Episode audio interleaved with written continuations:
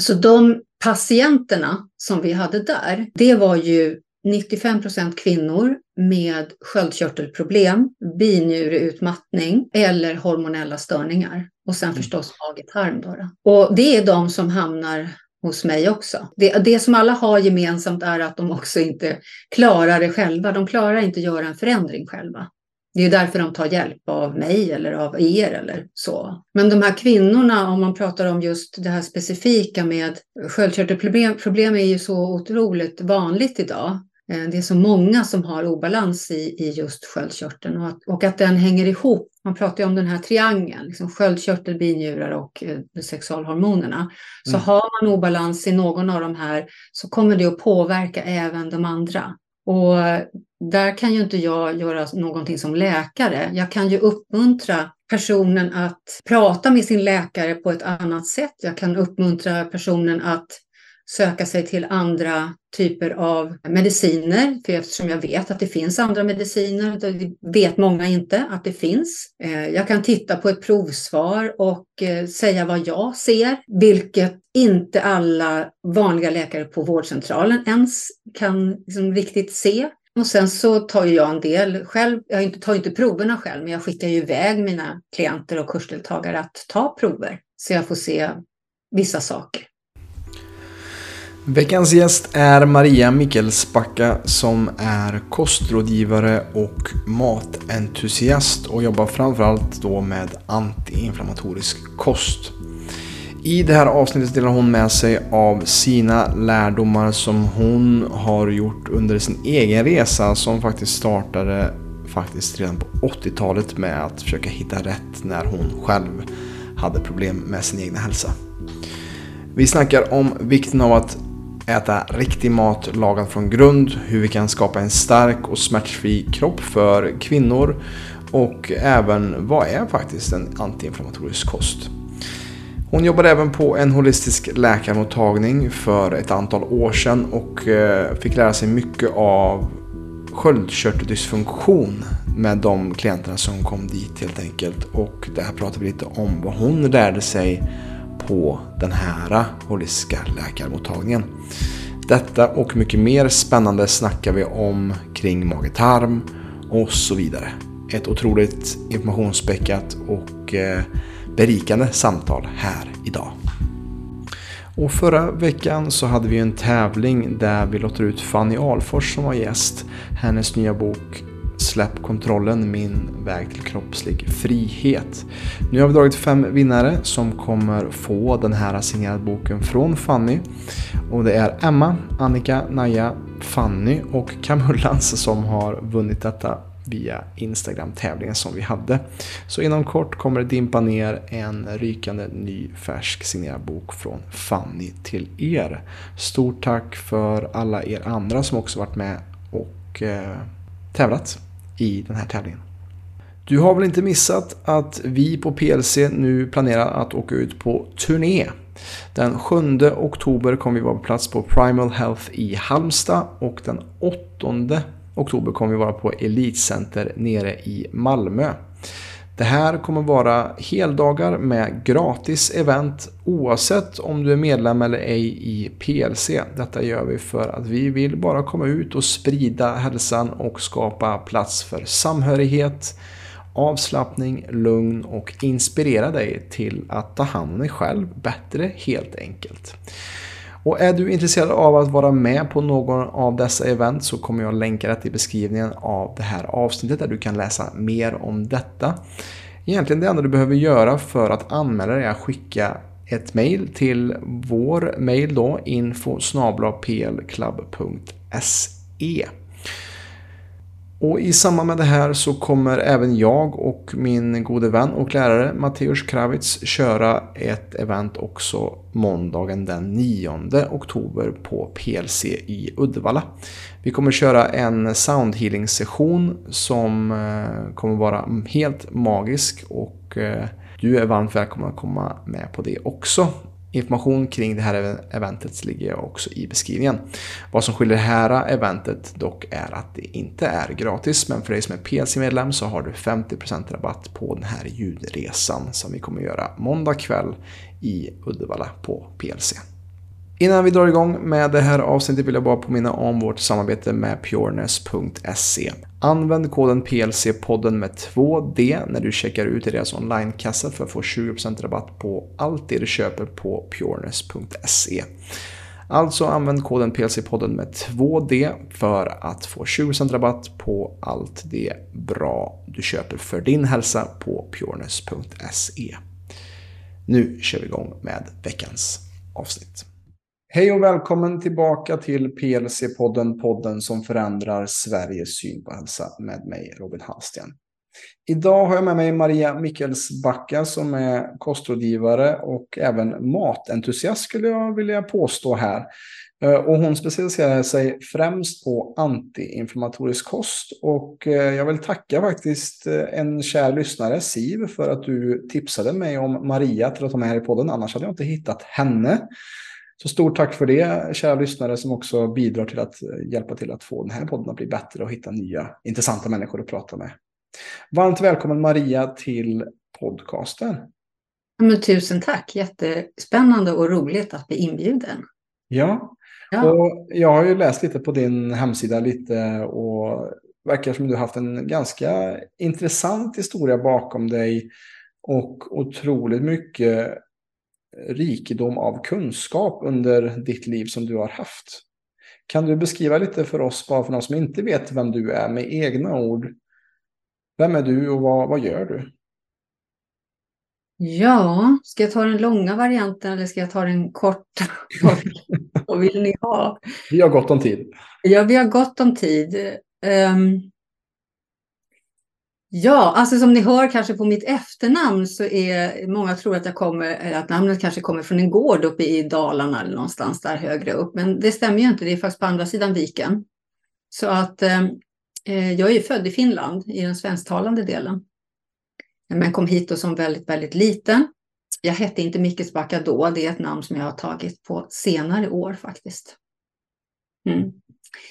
Eh, och eh, Ja, en väldigt, väldigt brokig bakgrund skulle jag säga att jag har. Allt ifrån eh, utlandsjobb eh, inom eh, eh Exportrådet, jag var på eh, en eh, ambassad i Tokyo och jobbade jag. Eh, där det hände en hel del intressanta saker i mitt liv.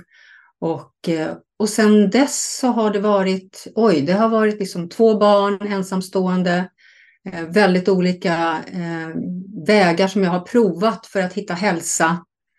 Ehm, och har väl alltid haft en, ett enormt driv av att hjälpa andra människor att må bättre. Liksom djupt där inne så har det funnits en sån längtan och eftersom jag också har sett att det gjort så stor skillnad för mig. Men det var ju att jag eh, eh, när jag flyttade utomlands och skulle jobba då ett par år så hade jag jättestora hormonella besvär bara. De, liksom, de dök upp. Jag hade ätit p-piller sedan jag var typ 15 eller någonting sånt där. Och på den tiden så tror jag de var ganska starka eh, jämfört med vad de är nu. Det här var ju på 80-talet. Eh, så jag fick inte igång mina menstruationer. Jag förlorade mina menstruationer och så gick jag upp i vikt. 10-15 kilo på något halvår eller någonting sånt där. Det var jättemärkligt. Eh, mådde inget bra. Jag blev orolig, tänk om jag inte kan bli med barn och så vidare. Så eh, jag eh, hittade en vän på nattklubben hör och häpna. Vi lärde känna varandra för att vi gick ut på samma ställen. Så det visade sig att vi bodde väldigt nära varandra och hon ville komma igång med träning, vilket jag då har alltid varit väldigt aktiv med. Eh, och jag ville göra någonting åt min kost och jag visste att hon var väldigt duktig på det. Hon var mycket äldre än vad jag var då. Jag var ju 22 då. då. Så vi bytte. Hon kom hem till mig kuta hem till mig på morgonen och så var vi ute och sprang och så gjorde vi stretching och, och annan träning hemma hos mig. Och så bjöd hon in mig till sitt kök på kvällarna. Så det på den vägen fick jag lära mig vad det innebar att äta sunt. För att det var ju mest bara snabbmat för mig. Mm. Och lite drinkar ute på ställena. Ja. Som det ju är när man är i den åldern. Ja men absolut och, och där tänker jag också det måste också vara ganska hemskt som så ung också eh, bli berövad av liksom mensen. För det är också, som jag som jobbat med kvinnohälsan i ett par år, det är ju liksom grunden till hela kvinnan. Alltså det är ju liksom fertiliteten är ju det som är eh, det högsta signalementet egentligen för hälsa skulle jag säga. Alltså samma för en mm. man, om du inte kan få erektion som man eller om du inte kan Mm. Om du inte har någon mens som kvinna så är det ett väldigt stort tecken på att någonting är väldigt, väldigt galet med ja. vår, vår hälsa. Och intressant är att ni bytte där och, och vad, vad var det som hon introducerade dig när du var 22 där till? Vad var det i hennes kosthållning som hjälpte dig? Hon kom hem till mig och så öppnade hon mitt kylskåp och så tittade hon och så tog hon en kasse och så bara ut med alltihopa och så tittade hon i skafferiet och så rätt och så cyklade vi ner till närmaste hälsokostaffär. Tänk då på att det här är liksom Tokyo det är, och 1982 är det. Så det fanns ju ingenting i vanliga butiker. Ja. Utan då var man tvungen att leta där. Då. Ja. Och så in med liksom, du vet, fullkornsprodukter, sånt som bara var sunt att äta från, från grunden och börja laga mat från grunden och lärde mig det och sådana saker. Så det var, handlar ju ingenting om något kosttillskott eller något sånt. Mm. Men det som, var, som jag tror att också har hjälpt mig enormt mycket, eh, tack vare att jag var just på den marknaden i det landet, det var ju att de har ju alltid ätit till exempel mycket tång, alger och tång. Va? Och mycket fermenterade, naturligt fermenterade produkter. Så att jag fick ju med mig den kunskapen hem hit. Just det. Ja, det och det vet jag att har gjort väldigt stor skillnad på min eh, eh tarmflora. Mm. Mm. Ja, det är det som är intressant egentligen med dagens samhälle med, med intågandet av uh, kylen och frysen. Att mm. sättet som vi, våra förfäder behandlade mat och behöll mat färskt, eller inte färskt kanske, men just att vi kunde äta under vintern var ju fermenteringsprocesser, att pickla saker, lägga in saker i lager för att vi skulle klara oss. Och det i sin tur hjälpt till att skapa en mjölksyrabakteriekultur som var bra för oss. Och det är någonting som många idag inte ens har en aning om hur man ens gör eller börjar eller vikten av att ha eh, rikt med enzymer i det vi äter. Mycket av den maten och särskilt snabbmaten vi äter idag är otroligt enzymfattig. Mm. Och det ser vi också i livsmedelsindustrin också att om du går efter att du ska göra profit på din mat så vill du oftast inte att den ska bli dålig fort. Vilket Nej. gör oftast att man behandlar den, preparerar den eller förstör den och på så sätt också kanske bryter ner de enzymerna som faktiskt är bra för din mage för att kunna bryta ner maten själv sen. Mm. Eh, och det är ju no någonting som vi ser i, i den vinstdrivande faktorn där kring matindustrin kanske som är viktig att poängtera att det har urholkats lite och försvunnit och dess plats har tagit mer tomma varor som är mer döda eller har mm. mindre livsenergi i sig egentligen när vi bryter ner mm. dem. Och det skapar en oerhört stor mängd problem för vår hälsa. Ja. Jag håller helt med dig där. Ehm, ja, hade jag haft mera tid, eh, om dygnet hade haft flera timmar så hade jag nog engagerat mig ganska stort i just den här frågan kring livsmedelsindustrin. För jag ser så mycket skräp där ute. Mm. Helt, helt galet faktiskt på ren svenska. Mm. Och eh, inte bara det, den faktorn som du eh, för fram här eh, med de här tomma eh, och det finns ingen näring liksom i maten utan jag tänker också att de vill ju att vi ska eh, köpa det igen så att det är så mycket som är sötat för att de vet ju att den söta smaken är ju någonting som vi dras till. Mm. Som vi också blir beroende av. Precis. Mm. Och, och likaväl som du säger att det kanske inte fanns så många hälsoprodukter förr så har det blivit en kanske ett uppsving senare år med också att ekologiskt, den biten, att, mm. folk har mer, mer medvetenhet. Men sen så finns det också att det har ökat mer med hur mycket processade produkter och sånt som har också ökat såklart. Så det är ju det är både och det där. Um, men om vi kommer tillbaka just uh, Maria till det som du just specialiserat dig på och som du har valt efter många års egen mm. utforskning är just det antiinflammatoriska kosten.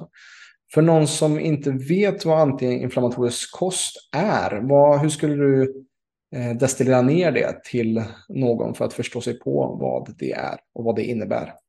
Jag skulle säga väldigt kortfattat så är det mat som min mormor lagade. Alltså mat som man lagar ifrån grunden på helt naturliga råvaror. Just det. Det är egentligen det som är grundpelaren mm. eh, i den antiinflammatoriska kosten.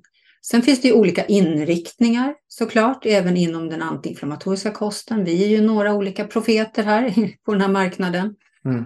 som, som har specialiserat sig eller som, som just eh, eh har den inriktningen med antiinflammatoriskt. Det finns ju jättemånga kostrådgivare, men just med antiinflammation så finns det ju de som det finns ju AIP och så finns det Paleo och så vidare och så vidare. Va? Och, och jag har hittat den formen och det kostprogrammet som jag märker att de allra flesta eh, mår väldigt mycket bättre på. Sen finns det alltid de, framförallt då om man till exempel har autoimmun problematik, då behöver man titta liksom en, ett eh, varv till på eh, och göra kanske ett annat upplägg. Men de allra flesta mår väldigt bra av det som jag rekommenderar. Mm. Precis. Och för dig som lyssnar, ifall du är intresserad av det som du är inne på här, så har vi faktiskt i poddens katalog har vi två avsnitt med GAPS coach Lisa som mm. jobbar just med GAPS-metoden, Gut and Physiology or Psychology Syndrome. Mm. Som, eh, där kanske man behöver börja ifall man har just autoimmuna problem då, som mm. kan man gå djupare på. Men med det du jobbar med, vad är det främst då att äta mat lagad från grunden som vår mormor skulle kommit ihåg eller känt igen. Eh, vad är det då att undvika när, man, när det gäller till uh, den antiinflammatoriska kosten? Jag tycker att det är mycket roligare att prata om det som man ska äta mer av. ja, jag tänker vi, vi ska gå in på det också. Ah, okay. Så att folk får en liten bild av, okay, vad är det faktiskt vi ja, behöver, och, och, vad är de vanligaste sabotörerna här? Ja, och, och det är så att det är det som alla frågar efter också. Mm. När, när man ska gå in i något sånt här, Åh, vad är det jag måste avstå ifrån? Mm. Får jag dricka kaffe? Liksom kommer mm. de där vanliga frågorna. Eh, men det är ju de, det är fyra saker som jag säger att, att det är generellt för alla och det är ju gluten och det är ju mejeriprodukter och sen så är det även eh, socker eller sötningsmedel eh, som är onaturliga så att säga och även då fröoljor. Mm. Det är de fyra stora som jag plockar bort hos mina kursdeltagare och klienter. Just det. Och sen är resten är väldigt individuellt. Eh, därför att jag gör en hel del tester också och tittar liksom på finns det antikroppar för olika födoämnen och sådana saker. Mm. Och då får man gå in och göra sådana korrigeringar mer individuellt. Ja. Och om vi går då till vad, vad, om man eh, ska gå till andra sidan, vad är det du eh, brukar föreslå för människor att börja med? Hur kommer man igång med ditt protokoll exempel? Vad finns där att vänta ifall man skulle ta kontakt med dig till exempel? Oj. Eh, ja, men det första som jag brukar säga det är ju att eh, innan man ens börjar med att äta annorlunda så behöver du sätta dig ner och fundera lite bakåt i tiden. Och anledningen att jag gör det, det är att jag ser på människor att förr eller senare så kommer det att komma motstånd. Det kommer att komma eh, uppförsbackar. Och det, för det händer saker i livet. Och när sådana oväntade saker kommer in då brukar det vara så att de här nya vanorna släpper man eh, beroende på att det är någonting gammalt som har eh, snarare triggats igång. Så har man koll på sin mathistoria som man brukar eh, prata om, har man koll på Kommer man ihåg hur det var runt matbordet när man var liten? Skulle man äta? Var man tvungen att äta upp? Fick man inte slänga maten? Fanns det andra störningar vid matbordet? Hur var det att sitta vid matbordet? Var det roligt att äta tillsammans? Eller var det bara jobbigt? Alla de här minnena finns ju med oss och styr ju också oss idag som vuxna, fast vi inte är medvetna om det. Men har man, har man lite koll på de här och förstår sina olika akilleshälar som jag brukar prata om och, och de triggers som finns, då kan man ju navigera runt det sen också när det dyker upp. Jaha, ja. Nu så eh, missade jag bussen. Eller så, okej, okay, då brukar jag gå och köpa mig en chokladkaka för att eh, eh, trösta mig för jag ska sitta och vänta på nästa buss. Bara en sån enkel sak kan man ju då ha koll på att okej, okay, nu kommer den här reaktionen därför att. Så första steget för mig det är alltid eh, känn dig själv. Liksom, Mm. och din mathistoria. Och när du har det och skrivit ner det och kanske till och med skrivit en egen kostdagbok så att du får svart på vitt. Så här ser det ut för mig. Och inte försöka frisera någonting utan verkligen, det här är sanningen.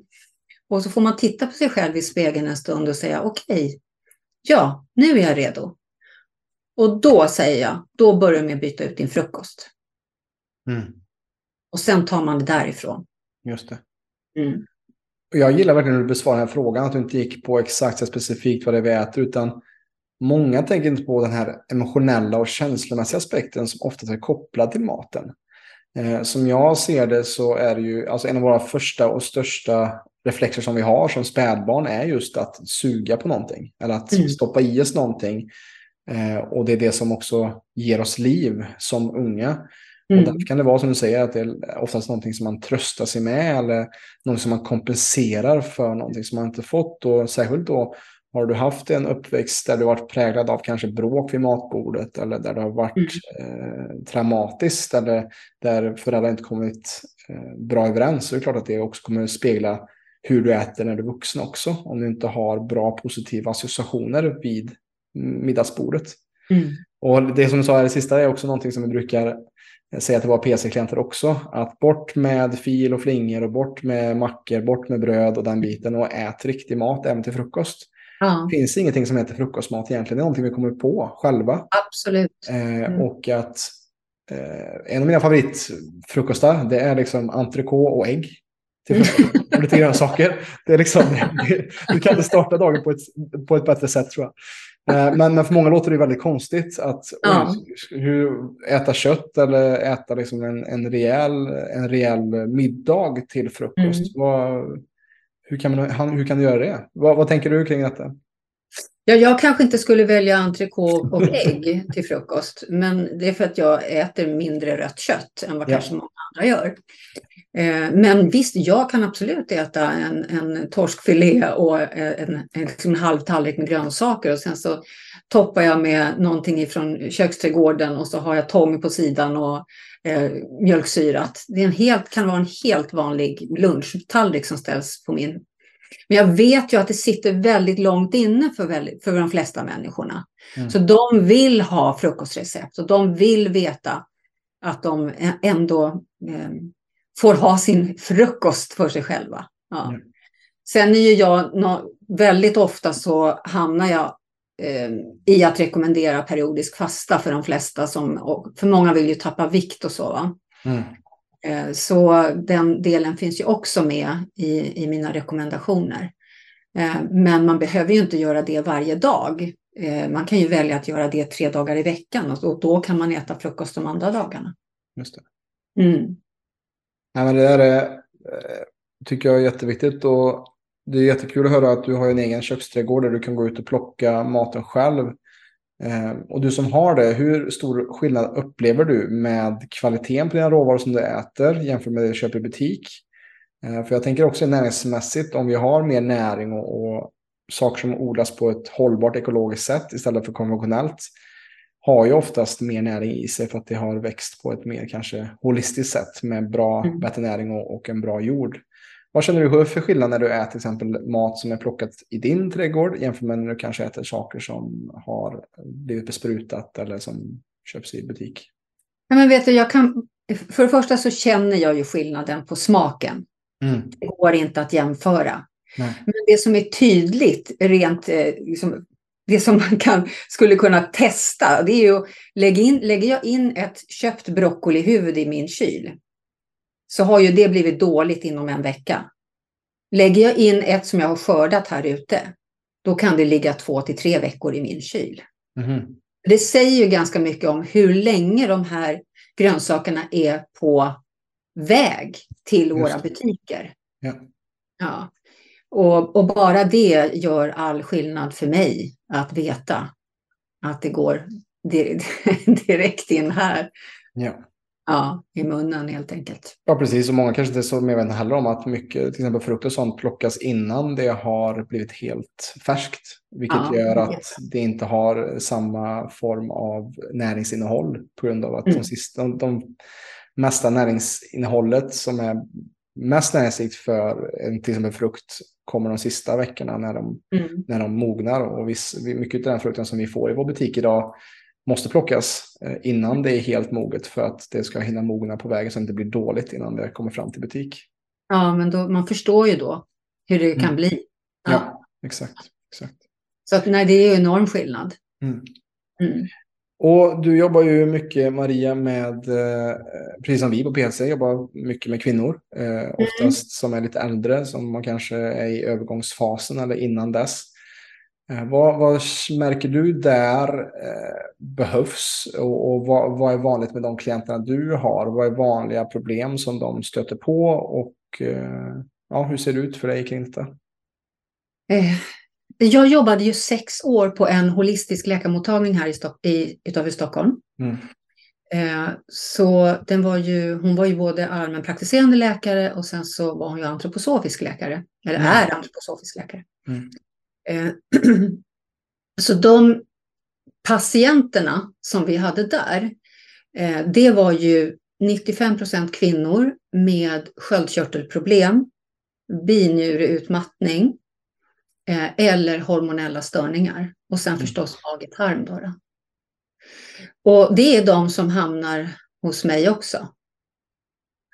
Eh, och summa summarum av alla de här, eh, det, det, som alla har gemensamt är att de också inte klarar det själva. De klarar inte att göra en förändring själva. Det är därför de tar hjälp av mig eller av er eller så. Men de här kvinnorna, om man pratar om just det här specifika med sköldkörtelproblem, problem är ju så otroligt vanligt idag. Eh, det är så många som har obalans i, i just sköldkörteln och att, och att den hänger ihop man pratar ju om den här triangeln, liksom sköldkörtel, binjurar och eh, sexualhormonerna. Så mm. har man obalans i någon av de här så kommer det att påverka även de andra. Och där kan ju inte jag göra någonting som läkare. Jag kan ju uppmuntra personen att prata med sin läkare på ett annat sätt. Jag kan uppmuntra personen att söka sig till andra typer av eh, mediciner, för eftersom jag vet att det finns andra mediciner, det vet många inte att det finns. Eh, jag kan titta på ett provsvar och eh, säga vad jag ser, eh, vilket inte alla vanliga läkare på vårdcentralen ens kan liksom riktigt se. Eh, och sen så tar jag en del själv, jag tar inte proverna själv, men jag skickar ju iväg mina klienter och kursdeltagare att ta prover. Så jag får se vissa saker. Och jag menar kosten är för, i, i, i, min, i mitt upplägg så är kosten grunden och sen så bygger jag ju på med de andra viktiga aspekterna. Hur ska man någonsin få komma till rätta med sin utmattning om man har eh, kortisolnivåer som är långt nere under eh, fotknölarna och fortsätter att köra på? Mm. Då behöver man göra någonting mer än att äta rätt. Då behöver man göra en del fler saker. Precis. För att ta hand om sig själva.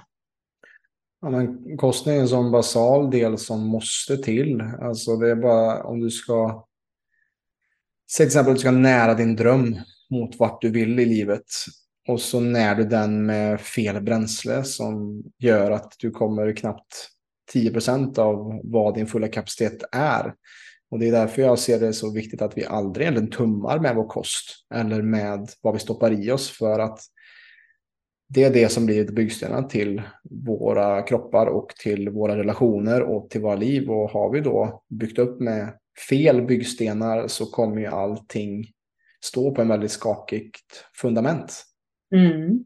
Hur, hur stor del, alltså om du skulle säga procentuellt, skulle du tro att de problemen som folk hade där på Järfalla, den holistiska kliniken där, hur mycket tror du hjälptes av en bättre kost? Alltså hur, hur stor procentuell eh, påverkan har kosten på helhetshälsan?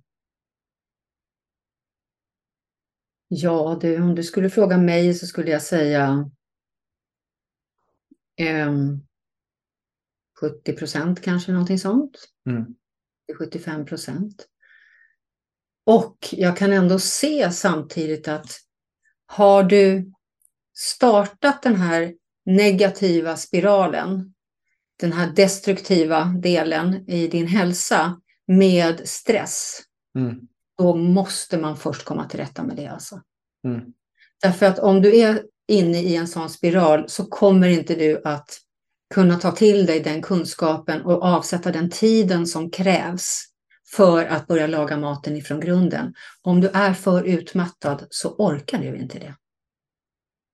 Så liksom den här oxidativa stressen som uppstår när vi är, har varit utsatta för så långvarig stress som många kvinnor idag har varit. Eh, man måste börja nysta i rätt ände alltså. Och då får man ta kanske ministeg när det gäller kosten. Kan fortfarande hjälpa till. Och man kan sätta en mycket mer långsiktigt mål och bryta ner det. Eh, men man måste gå väldigt varsamt fram. Mm. Därför man orkar inte. Nej, och det är det jag ser just med de klienterna vi jobbar med och samma målgrupp som du jobbar med också. Att eh, det handlar inte alltid om att lägga till mer saker, utan det handlar mer om att skala bort först innan vi kan lägga på saker. Att vi Mm. först tar bort de sakerna som inte ger oss energi istället för att lägga på saker som ska ge oss energi. Alltså att, Mm. att se över vårt liv från ett grundat perspektiv och se vad är det faktiskt som stjäl min energi och min livskraft och vad kan jag göra för att bygga upp en ny variant, en ny version, en starkare version av mig själv. Mm.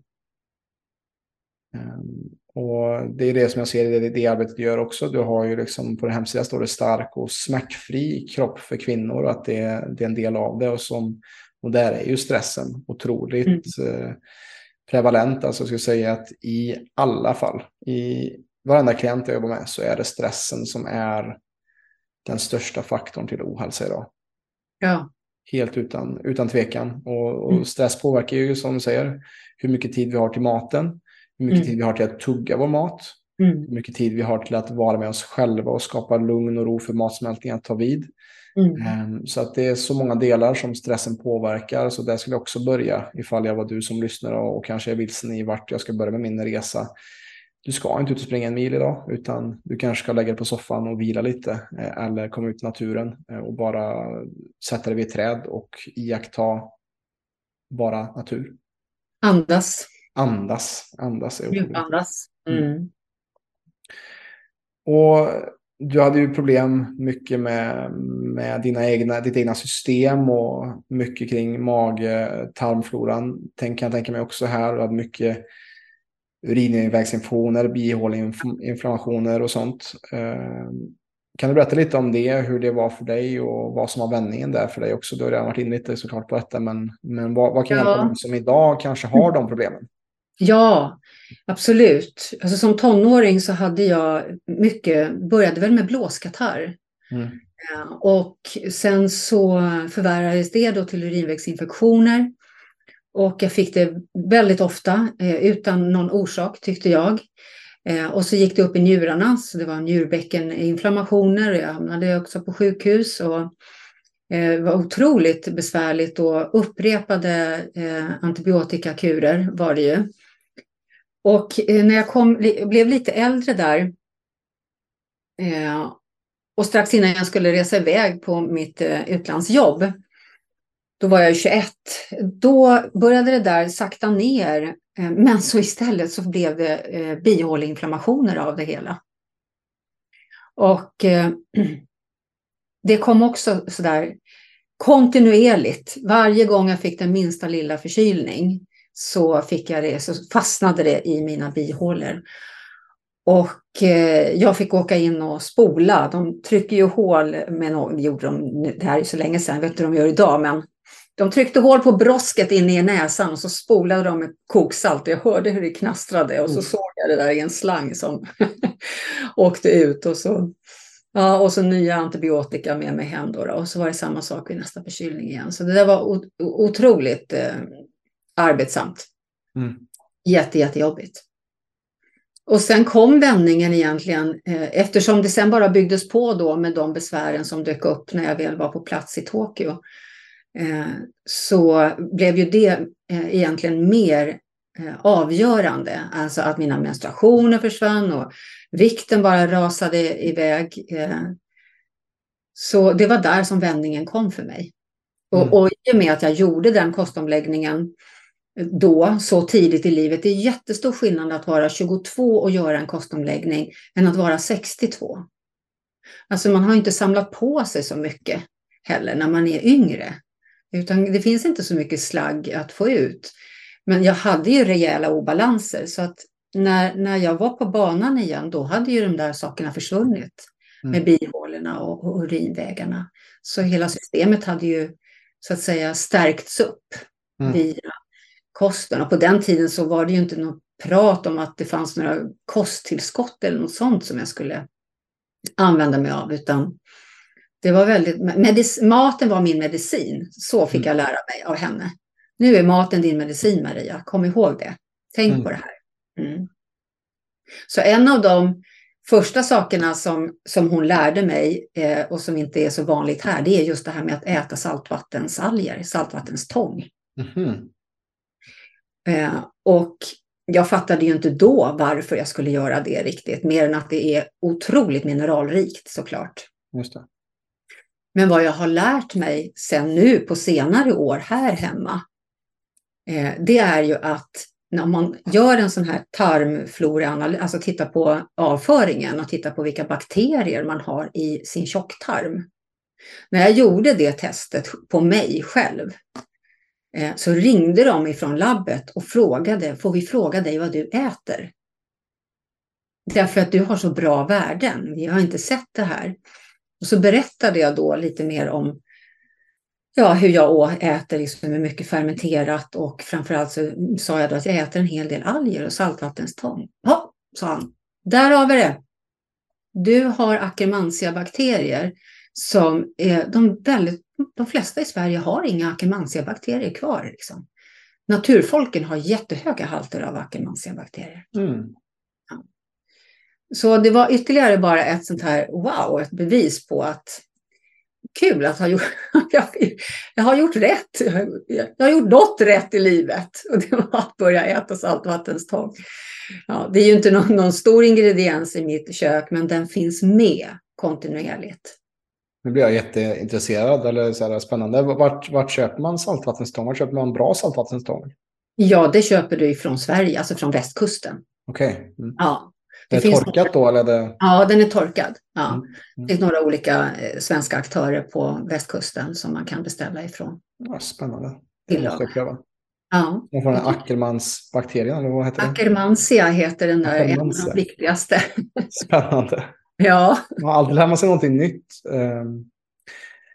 Och, och, och, som du var inne på, du var 22 när det här skedde. Jag kan känna igen mig i vad du skrev på din hemsida där. När jag var 22 så gjorde jag också en omvändning i mitt liv då jag, jag har aldrig slutat helt att dricka alkohol, men jag bytte bort den vanan att gå ut på krogen varje helg och slira och mm. märkte liksom när jag, när jag började fokusera mer på min egen hälsa och kanske mer förkovra mig i meditation och yoga den biten. Då mm. försvann mm. väldigt många människor i mitt liv. Ja. Det blev väldigt ensamt eh, ja. på den resan. Det är inte lika ensamt längre för att jag har hittat en, en mm. andra människor som är likasinnade på den resan jag är på. Men vad jag vill komma till är att det är inte alltid lätt att gå sin egen väg och att följa hjärtat eller följa vad ens hälsa berättar om. Eh, och jag tror det ska vara så bara för att vi ska också utvecklas i oss själva och bli starkare i vad vi tror på och vilka vi är. Men kan du berätta lite för dig själv hur det var, som du skrev också på din hemsida, en udda liten, jag vet inte vad, vad du skrev där, men eh, du skrev ett roligt eh, citat där. Jag kommer inte riktigt ihåg. Kan det vara eh, att när barnen hade med sig vänner hem till oss och så skulle de äta med oss och då sa då sa jag, ikväll blir det friterade alger, sa jag. Mm. Tjoho, sa mina barn. och så tyckte de kompisarna där, gud vilken cool morsa, liksom. vad, mm. vad är det här för spännande? Mm. Så eh, ja, det blev bara ensamt när jag kom hem. Alltså folk kom ju hem och så tittade de i mitt kylskåp och så tänkte de, vad är det här för någonting?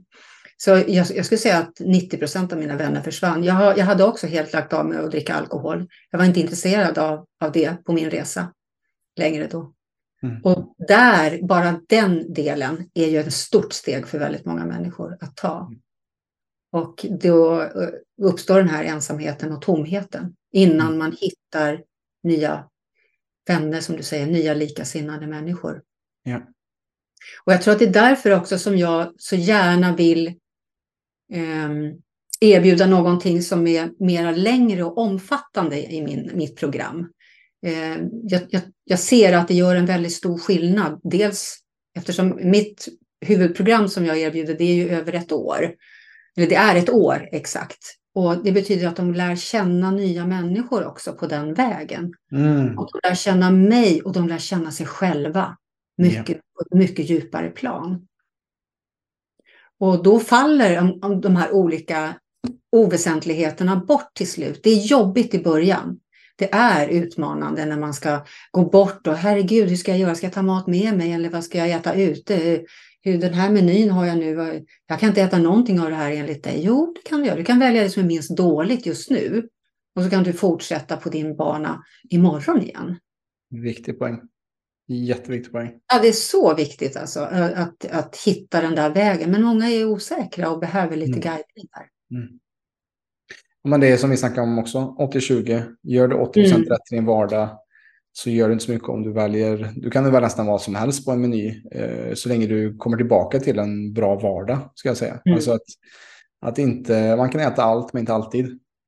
Nej, just det. Precis. Ja, men det är men så de... finns det vissa saker som jag inte skulle stoppa i mig. Nej, exakt. Det är samma här. Men, men alltså eh, att, att inte vara för rigid och för eh, anal eh, liksom med vad man äter och stoppar i sig. Mm. Utan att också att det finns en buffert och den skapar man genom att ha en bra vardagsförhållning till vad man äter och stoppar i sig. Ska jag säga. Mm. Men om du tänker tillbaka till när du var 22 mm. och jag tänker tillbaka, då var, blev jag rigid först. Mm. Jag var liksom tvungen att gå en hela vägen dit. Och jag tror att lite beroende på vad man har för hälso, vad man är liksom i sin, på sin hälsoresa. Har man väldigt mycket besvär och det enda man längtar efter det är att få symptomlindring. För att får man mm. bara symptomlindringen, då blir man motiverad att fortsätta. Precis. Och, och det säger jag till alla, att vill, om du vill nu få mindre värk i kroppen, du vill kunna sova hela natten, gå då all in så mycket du orkar de första tre månaderna. Jag kan nästan garantera dig att du kommer få symptomlindring inom tre månader. Mm. Och när de väl är där, då eh, är de här 80-20 eller 90-10 eller vad man nu själv väljer, då kan det komma in som steg två, tänker jag. Mm. Men det är en viktig poäng. Jag kan känna igen mig i det, även fast det var två olika saker vi gjorde. Eh, eh, att inte, för min del var inte kosten med mig för att bryta liksom, mot att bli en, en annan version av mig själv, liksom som du också är här. Och som mm. du säger, jag har också filosoferat över det att eh, till en början så behöver det finnas en tid helt ifrån. Alltså samma om du är mm. alkoholist eller om du är har ett, ett sug eller vad det nu kan vara. Du måste ta dig ur den miljön som har skapat problemet. Mm. Om, du, om du ska som alkoholist jobba på ett systembolag så kommer det vara väldigt svårt för dig att bryta det beteendet. Mm. Och som du säger, jag tror det är jätteviktigt när vi bryter ett mentalt tankesätt att vi tar oss från den miljön som har skapat problem. Mm. Det ser man också till exempel i, i USA vid Vietnamkriget. De som åkte till Vietnam och kriga och blev heroinister i Vietnam. Så fort de kom tillbaka till USA så var de flesta rena för att deras mm. miljö skiftade. Medan idag om du har till exempel några som är beroende och åker till en rehabklinik blir rena och sen kommer tillbaka till samma miljö, samma ja. vänner, samma hus. Mm. Då går de tillbaka till återfall. Mm. Och därför är det så viktigt i den här filosofin som jag har tänkt på mycket att vi behöver en tid med abstinens. För att mm. sen komma tillbaka, doppa tårna i det och sen hitta en mellanpunkt. Ja. Där man känner sig att det finns en bra, en bra trygghet i, här står jag, här är mina nya ideal och jag har skapat en ny miljö där den här vanan inte kan poppa upp lika enkelt. Visst är detta ett spännande avsnitt. Innan vi kommer tillbaka till avsnittet vill jag bara påminna om att det är just det här som vi håller på att prata om just här. I det här samtalet just nu kring att bryta vanor och skapa nya vanor som håller oss som är hållbara i längden. Det är det som vi jobbar med i våra klienter och med våra medlemmar på PLC.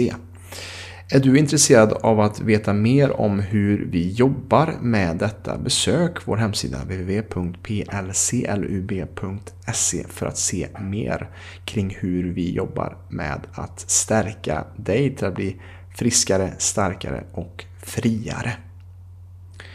Vi har ju också en app som har ett par gratisfunktioner där du faktiskt kan kolla och få reda på grundorsakerna till dina hälsoproblem. Så kolla in länken i beskrivningen av det här avsnittet till appen för att eh, kolla in vår app helt gratis.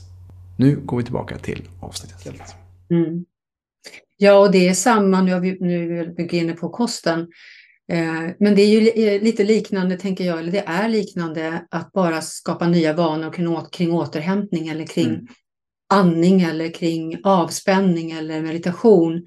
Eh, att göra det och att tro att det ska fungera om man gör det två gånger i veckan. Det blir inte samma sak. Du Nej. behöver skapa en rutin varje dag ja.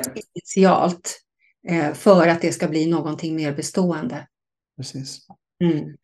Ja, och det är därför eh, jag tycker det är intressant också när du snackar om här med vad som är intressant med din approach här till matlagning är också att det inte bara vad vi stoppar i oss, det är också hur vi stoppar i oss med vilka vi gör det med. Jag tänker i Sverige som är typ ett av de mest ensamma länderna idag där de flesta bor. Eh, jag vet inte hur många procent det är, men jag tror det är nästan 50 procent av alla människor i Sverige bor i ensamhushåll. Vi mm. lagar inte längre mat, vi kanske beställer hem via Foodora eller Uber Eats. Mm. Vi har inte samma relation till mat som vi hade för bara två generationer sedan. Om man kollat på till exempel min farfar som fortfarande lagar sin mat från grunden som är 93 år. Ja. Um, och hur viktigt det är med samlingen kring middagsborden som man ser kanske mer i eh, mellan, Mellanösternkulturer mm. eller medelhavskulturer. Där alla är samlade kring maten och det är där man delar och man, det är glädje och det är drama. och Allting mm. ryms mm. där. Eh, vad tänker du kring den här community-aspekten som jag vet du också inkluderar i ditt ettårsprogram? Att du har faktiskt fyra dagars eh, retreat för människor att göra mm. cookalongs med dig. Ja, men precis. Det, det är det som är hela grejen med den. Mm. Att eh, träffa andra, lära känna andra, att laga maten tillsammans. Jag tycker det är jätteroligt att laga mat tillsammans mm. eh, i köket. Liksom att man det är ju roligt. Det är ju ja. så mycket glädje i det. Att jaha, skär du en morot på det viset? Nej, men så här gör jag. Jaha, gör du så? Mm. så det finns ett otroligt lärande och en, en, utvecklingspotential tycker jag. Att laga mat tillsammans med andra. Mm. Och vissa har inte ens hållit i en kniv förut. Jag har faktiskt en sån deltagare på kursen som har börjat lära sig att laga mat. Hon har aldrig lagat mat tidigare, för det har hennes man gjort. Mm. Och då, då förstår man ju, liksom, hon kommer från en helt annan ingång än vad kanske de andra som då kom, ja, de har ätit eh, vanlig husmanskost, de flesta. Ja. Och eh, halvfabrikat och så vidare. Mm. Och sen så är jag då ute i, i det andra, eh, längst ut på andra kanten helt enkelt. Mm. Och så ta sig då mellan de här olika och gå runt och titta på hur äh, olika alla gör. Och, Eh, jag brukar dela upp så att de får stå vid olika stationer och, och göra olika saker. Då, då, Men de kan inte hålla sig vid sina stationer. De vill ju springa runt och kolla på vad de andra gör. Och, ja, hur smakar det där? Och får jag smaka här? Och, ja. Mm. Det är jätteroligt, verkligen. Mm. Ja, så. Jag tror vi har tappat mycket vår relation till mat. Ja, det har vi gjort. Det, vi ser det, bara... det är inte bara mat, det är ju liksom, det är livet, det är ju naturen, det är ju jorden. Eh, och ju, ju, längre bort vi kommer ifrån det naturliga förhållningssättet till det, desto mer problem får vi. Absolut, och jag tror alltså det är en stor del till vad det är där vi är just nu idag, att vi är så bortkopplade från moder jord och, naturen. Och ja. min del så är mat, eh, bra mat är kärlek. Det är, liksom, mm. det är någonting du när dig själv med eh, och som, som ger dig energi, livsenergi till att skapa ett liv, ett, ett mardrömsliv eller ett drömliv. Du väljer. Mm. Mm. Då är det viktigt att välja våra råvaror och hur vi lagar maten och hur vi tänker kring maten, vad vi har för känslor kring maten för att skapa en eh, helare och renare kropp. Mm. Och det är det med den medvetenheten, alltså att öka, eller leverera sin egen medvetenhet kring vad vi stoppar i oss och varför vi stoppar i oss saker. Ja, Och, och har man aldrig någonsin läst på en innehållsförteckning så är det en väldigt bra start. Just det, precis. För då inser man att när man har kommit till nummer 8, 9, 10, 12 där, då, då är det dags att ställa tillbaka den grejen på hyllan. Brukar jag säga. Ja. Ja. Det är för mycket skräp helt enkelt. Ja, och kan inte uttala det som står eller vet vart det kommer ifrån i sin naturliga, naturliga rena form så är det också bara att ställa tillbaka oftast. Mm. Eller i alla fall. Ja, men helst så ska det inte vara någon innehållsförteckning. Nej. Det är, liksom, det är frukt och grönt och, och alla de här andra rena råvarorna som, som vi ska äta. Ja, exakt. Mm. Men däremot så märker jag ju många som kommer till mig då och säger ja, men jag äter så mycket grönsaker. Säger de. Jaha, okej, men då kan du väl börja skicka eh, bilder på dina tallrikar då, säger jag. Ja, ja visst, säger de. Och så är det ju eh, eh, sallad och gurka och tomat som ligger på tallriken. Mm. Och resten är ju någonting annat då. Och jag menar, när jag pratar grönsaker, då är det halva tallriken Mm. som, som behöver vara vegetabilier. Absolut. Mm. Eh, och, aha, ja, och, och inte bara då vattengrönsaker utan eh, alla. Titta i, eh, vad heter det? Titta i grönsaksdisken. Gå verkligen igenom och kolla. Så kan, och så har jag listor också som de kan, eh, hur många grönsaker de äter liksom på, på sju dagar. Det finns ju till och med eh, såna här, alltså studier på, på det här att eh, för att få en, en väl proportionerlig och eh, balanserad bakterieflora i tjocktarmen så behöver det finnas omväxling. Bakterierna måste ha variation för att, utö- för att öka på sig. Så det finns ju kliniker i London där man kan göra så kallade transplantationer. De som har väldigt allvarliga mage-tarmproblem kan ju transplantera avföring ifrån en person som har en väldigt bra tarmflora. Mm. Och när man får den avföringen ifrån den personen så blir de oftast friska. Men vad har de då ätit som ger sin, sin avföring? Jo, då går de på väldigt strikta protokoll vad, vad gäller just omväxling. De får alltså inte äta samma sak. Eh, eh, två, de får inte äta samma sak flera gånger per dag. Nej, utan det måste vara variation. Mm. Och sen ska ju naturligtvis alla, alltså alkohol och mediciner och sånt ska ju inte finnas där.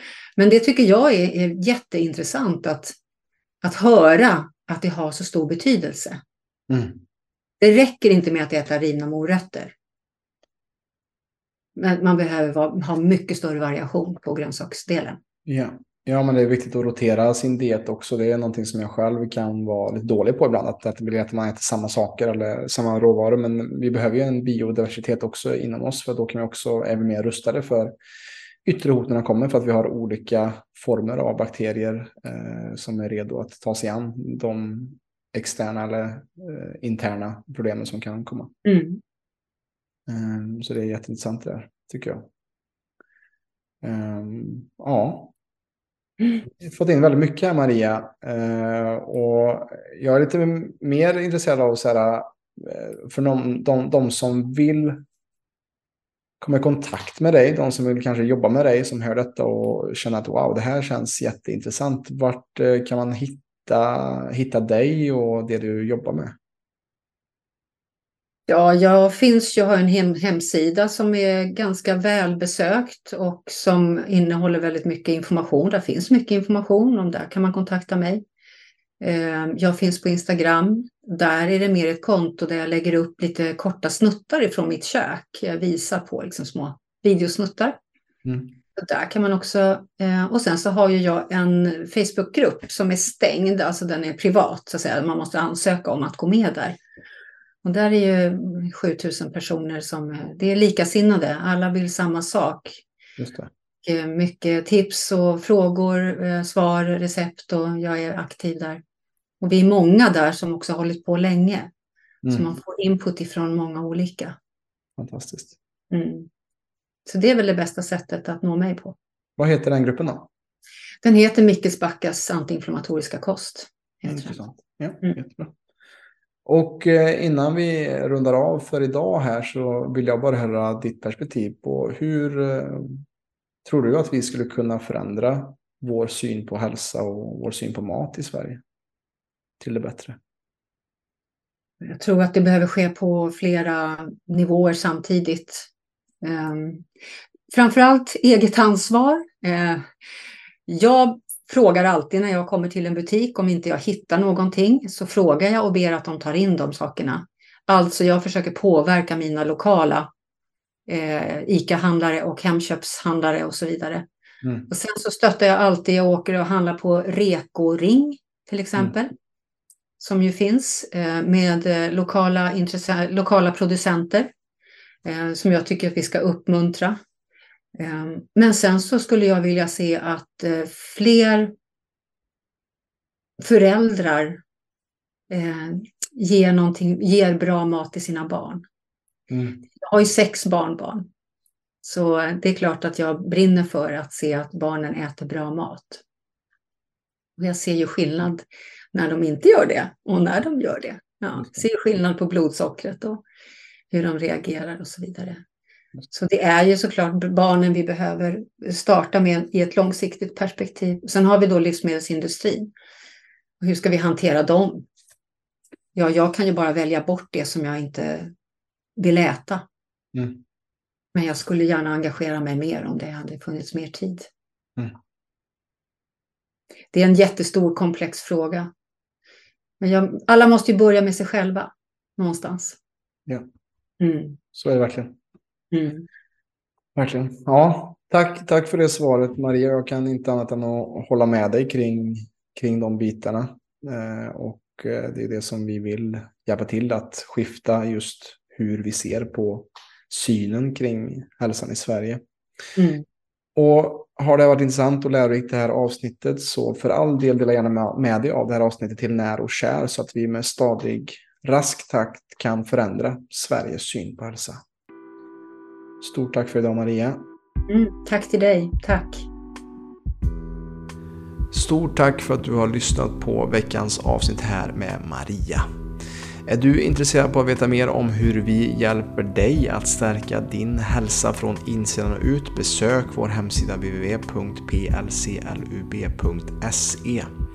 Vill du hjälpa oss att sprida budskapet med den här podden med att förändra Sveriges syn på hälsa? Dela med dig av det här avsnittet och ge oss gärna en femstjärnig recension på iTunes, Spotify eller där du lyssnar på den här podden för att hjälpa oss att synas ännu högre upp för andra när det kommer till att lyssna på hälsopoddar i Sverige. Och som sagt, glöm inte bort att vi är på turné den 7 och 8 oktober i Halmstad och Malmö och sen även lite bonusevent med mig och Matteus den 9 oktober i Uddevalla. Kolla länkarna i beskrivningen av det här avsnittet för att anmäla dig och träffa oss live and direct med bland annat eh, meditation, soundhealing, inspiration och workshops. Vi ses där helt enkelt förhoppningsvis. Ta nu riktigt gott hand om dig så ses vi i nästa avsnitt. Ha det bra!